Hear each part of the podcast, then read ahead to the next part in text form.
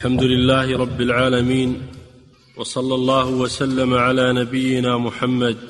أما بعد قال المصنف رحمه الله تعالى وعن عبد الله بن عمر رضي الله عنهما أن رسول الله صلى الله عليه وسلم نهى عن بيع الثمرة حتى يبدو صلاحها. نهى البائع والمبتاع. بسم الله الرحمن الرحيم. الحمد لله رب العالمين. صلى الله وسلم على نبينا محمد. وعلى آله وصحبه.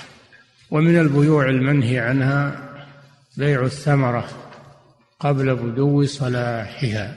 بيع الثمرة سواء من ثمر النخل أو ثمر العنب أو أي ثمر يؤكل فإنه لا يجوز بيعه حتى يبدو صلاح أي يبدو نضجه وطيب أكله وعلامة ذلك في كل ثمرة بحسبها فالنخل علامة بدو صلاحه أن يحمر أو يصفر وذلك لأنه قبل بدو الصلاح عرضة للتلف عرضة للآفات فيترتب على ذلك الإضرار بالمشتري أن يشتري ثمرة قبل بدو صلاحها ثم تتلف أو تصاب بأمراض فيضيع ماله فلأجل ذلك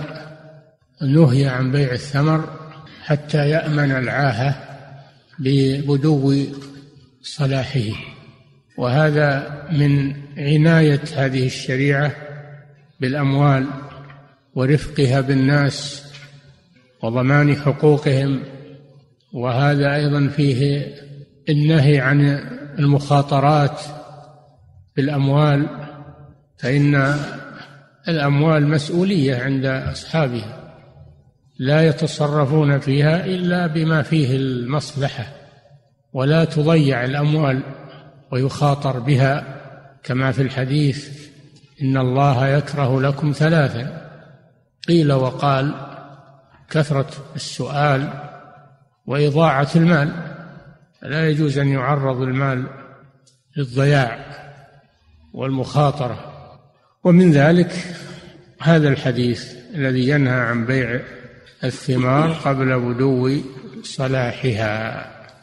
وفسر ذلك كما في الحديث الآخر أن تزهو أو تحمار أو تصفار حسب اختلاف الثمار. ودل على بطلان البيع قبل بدو الصلاح. أن البيع قبل بدو الصلاح يكون بيعا باطلا لأنه منهي عنه شرعا وأنها بعد بدو الصلاح يصح البيع وتكون من مال المشتري لأنها في الغالب تأمن من الآفات. فإن أصابها جائحة فهذا يأتي فيه حديث آخر لكن الغالب أنها تسلم وأنها تصلح للاستعمال وللبقاء على رؤوس الشجر. فلذلك أذن ببيعها عند ذلك. نعم. وفي قوله نهى البائع والمبتاع البائع معروف والمبتاع هو المشتري. نهى الطرفين نهى البائع والمشتري. فالبائع لئلا يأكل مال أخيه بغير حق والمشتري لئلا يعرض ماله للخطر لئلا يعرض ماله للخطر. نعم.